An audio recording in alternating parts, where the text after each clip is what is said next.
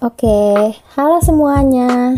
Gimana nih kabarnya? Semoga selalu baik ya buat kalian semua, kapan pun dan di mana pun keberadaannya.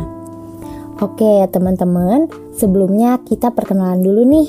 Karena ada pepatah yang mengatakan bahwa tak kenal maka tak sayang, maka dari itu perkenalkan, saya Hanifah Aulia Rahmah. Di sini saya tidak sendirian teman-teman. Kita juga akan mengobrol bareng bersama dua rekan saya, yaitu ada Kayuzara Zahwa Priyatna dan Kamu Alifatul Hasana. Oke, halo Kayuzara. Halo Kak Hanifah. Halo teman-teman semuanya. Selanjutnya ada kamu Alifa. Halo kamu Alifa. Halo Kak Hanifah. Halo teman-teman semua. Oke, langsung aja nih ya teman-teman. Pada kesempatan kali ini, kita akan mengupas tuntas mengenai masalah-masalah apa aja sih yang dihadapi oleh siswa di sekolah dasar. Tapi teman-teman, sebelumnya disclaimer dulu nih ya. Di sini kami tidak akan memposisikan diri sebagai orang yang lebih pintar, bukan juga bermaksud untuk menggurui, gak sama sekali ya. Kita ini di sini adalah sebagai teman mengobrol, teman belajar, teman cerita, dan juga teman berbagi. Di sini kita ngobrol santai aja, cerita bareng, diskusi bareng, mengenai topik masalah-masalah yang dihadapi siswa di sekolah dasar. Mulai dari permasalahan perkembangan jasmani dan kesehatannya, masalah dalam keluarganya, masalah mental atau psikologinya, kemudian ada juga masalah sosial, kurangnya motivasi, dan juga permasalahan-permasalahan lain yang dihadapi siswa sekolah dasar. Oke, kita langsung aja nih ya teman-teman, kita masuk ke pembahasan kita yang pertama, yaitu mengenai masalah perkembangan jasmani dan kesehatan siswa. Nah, kalau menurut Kayuzara, gimana nih tentang masalah perkembangan jasmani dan kesehatan siswa ini? Kakak sendiri, masalah perkembangan jasmani dan kesehatan siswa ini memang sangat mempengaruhi proses belajar siswanya sih ya. Hal paling mendasar sih ini kita ambil contoh saat siswa itu merasa kurang sehat. Maka dia itu jangankan untuk belajar dan konsentrasi. Untuk mengkondisikan dirinya sendiri aja tuh kayaknya udah susah banget. Bener banget kan. Nah, itu kan menurut Kayu Zara tadi ya. Nah, kalau menurut kamu Alifa, apa aja sih contoh dari masalah perkembangan jasmani dan kesehatan siswa yang biasa terjadi di sekolah dasar? Ya, baik. Jadi gini nih Kak, mengenai masalah perkembangan siswa sekolah dasar itu, contohnya kayak diare, infeksi saluran pernapasan, dehidrasi dan kecapean, terus ada juga masalah gigi dan mulut, masalah kulit ringan, dan juga beberapa masalah pada gangguan penglihatannya. Nah, benar juga tuh. Terkadang banyak juga ya anak-anak yang padahal mereka tuh masih kecil, tapi penglihatan mereka udah pada buram, matanya berair. Terus kadang ada juga anak yang matanya itu, hmm, mohon maaf, juling dan juga gangguan-gangguan penglihatan lainnya. Betul. Nah, selain masalah pada jasmani dan kesehatannya, Masalah perkembangan siswa juga bisa didapat dari lingkungan terdekatnya sendiri, seperti dalam rumah dan keluarga. Kondisi ini juga memberikan pengaruh yang besar kan ya?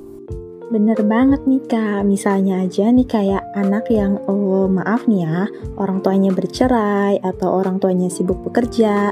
Nah itu tuh meskipun tidak semua, tapi umumnya memang akan berbeda antara anak dengan keluarga yang lengkap dan harmonis dengan yang tidak itu akan jelas berbeda.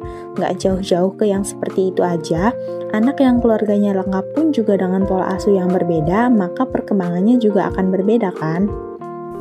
Masalah-masalah kayak gitu tuh bisa mempengaruhi juga untuk mental dan psikologi si anak itu juga nggak sih kak?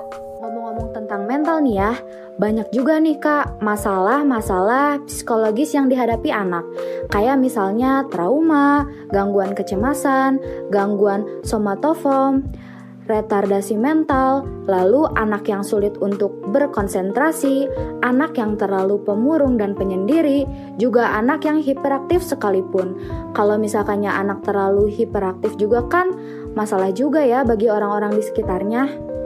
Nah, selain itu nih Kak, masalah psikologis anak juga dapat berupa mogok sekolah, masalah berbicara, gangguan makan, gangguan bipolar, gangguan disosiatif, afek, dan stimming, serta beberapa kelainan sindrom seperti pika sindrom, sindrom respons stres, autis, skizofrenia, dan lain sebagainya. Nah, betul tuh Kak. Selanjutnya nih ya, ada juga kan masalah sosial yang terjadi pada siswa ada banyak juga nih permasalahan sosial di negara kita ini. Contohnya seperti eh, mohon maaf ya, ini e, seperti kemiskinan. Nah, yang seperti itu kan juga jadi pengaruh ya bagi peserta didik karena seperti yang kita tahu ya kak, nggak semua sekolah itu berlabelkan sekolah gratis. Bahkan kadang di sekolah gratis pun masih ada tuh tetap harus membayar inilah, membayar itulah. Padahal di luar sana kan kita sering menjumpai anak-anak yang kurang mampu untuk menempuh pendidikan. Bener gak sih kak? Betul banget kak. Selain itu ada juga nih kak masalah sosial yang berupa antisocial personality disorder atau yang biasa dikenal dengan gangguan kepribadian antisosial. Nah, kepribadian antisosial ini ditandai dengan perilaku yang tidak memperdulikan orang lain secara berkepanjangan. Akibatnya, mereka tidak bisa bergaul atau menerima orang lain untuk berteman dan menjadi bagian dari mereka. Kemudian ada juga nih kak, sindrom gender dan seksual. Nah, sindrom ini memang sering kali semakin menjadi ketika dewasa dan menyebabkan banyak anak remaja justru salah kaprah dan menyimpang. Namun, gangguan gender dan seksual ini ternyata juga dapat muncul sejak kecil atau bahkan sejak awal anak-anak bersosialisasi. Nah, betul tuh. Selain itu semua, Masalah sosial siswa juga dapat berupa kesulitan dalam persahabatan, seperti kesulitan mencari teman, kesulitan menyesuaikan diri, kesulitan menghadapi lingkungan baru, merasa asing dalam aktivitas kelompok, atau bahkan sampai pada dengan pembulian. Hmm, betul tuh kak. Nah, ada juga nih selain masalah sosial yang tadi udah kita bahas, nggak sedikit juga siswa itu kadang merasa kesulitan dalam belajar, baik itu saat di sekolah atau di rumah. Nah, gimana sih menurut Kak Mu'alifa tanggapannya mengenai hal itu? Iya, jadi gini nih kak, mengenai kesulitan belajar anak dapat diketahui saat si anak itu menunjukkan adanya hasil belajar yang rendah. Kemudian hasil belajar yang dicapainya juga tidak sesuai dengan usaha yang dilakukannya. Lalu anak juga lambat dalam melakukan tugasnya atau bahkan sampai menunjukkan gejala emosional yang tidak wajar. Nah, di sini tugas orang pendidik adalah membantu siswa dalam memberikan pemahaman agar mereka itu mampu menerima dan menerapkannya dalam kehidupan. Selanjutnya, kesulitan belajar ini juga banyak jenisnya. Yang pertama itu ada kesulitan akademik. Kesulitan akademik ini dapat berupa si anak itu kesulitan dalam membaca, menulis, ataupun berhitung. Lalu ada juga nih kak, gangguan simbolik dan non-simbolik. Nah, gangguan simbolik ini merupakan kesulitan belajar yang biasanya siswa itu mampu mendengar tetapi tidak mengerti apa yang didengar.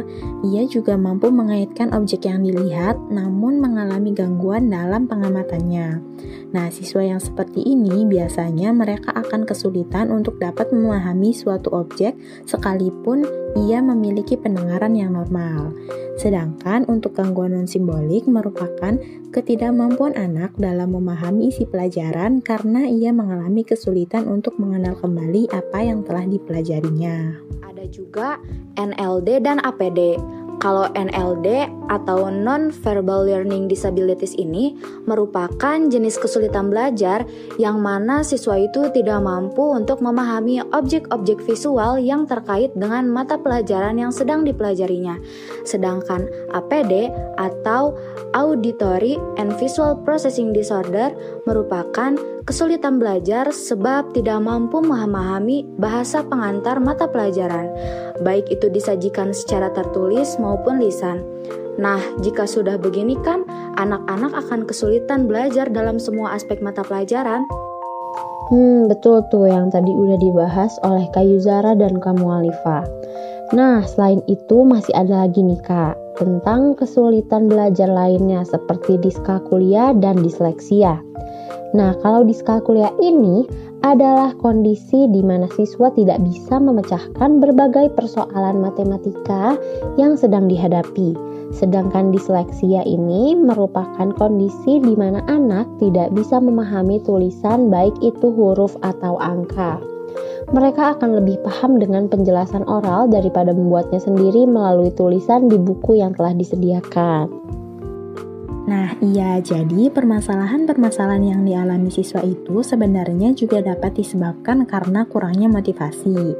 Nah, pemberian motivasi pada siswa ini juga penting karena dengan dorongan motivasi yang telah diberikan kepada mereka, maka mereka akan mampu untuk bersemangat dalam proses belajar. Nah, penyebab rendahnya motivasi belajar siswa ini dapat disebabkan karena kurangnya perhatian orang tua, pergaulan siswa yang terlalu bebas, kemudian masalah dalam kehidupan siswa dan juga kemajuan teknologi. Nah, benar tuh, selain dari masalah-masalah yang udah kita bicarakan tadi, ada juga permasalahan-permasalahan lain seperti kecanduan gadget dan adanya pengaruh buruk, baik itu dari teman sebaya atau dari lingkungan sekitarnya. Wah, nggak kerasa ya, kita udah berbincang banyak nih mengenai masalah-masalah yang dihadapi oleh siswa sekolah dasar. Mulai dari tadi kita sudah membahas tentang jasmani dan kesehatannya, psikologisnya, masalah keluarga, sosial, dan juga kesulitan-kesulitan lainnya. Sebenarnya masih banyak ya permasalahan-permasalahan lain yang belum kita bahas secara rinci. Nah, teman-teman semua, itu dia bahasan kami mengenai masalah-masalah apa saja yang dihadapi oleh siswa, khususnya siswa sekolah dasar. Terima kasih karena teman-teman semua sudah menyempatkan diri untuk mendengarkan diskusi kita kali ini. Kami memohon maaf apabila ada salah kata dari kami semua. Terima kasih dan sampai jumpa di lain kesempatan.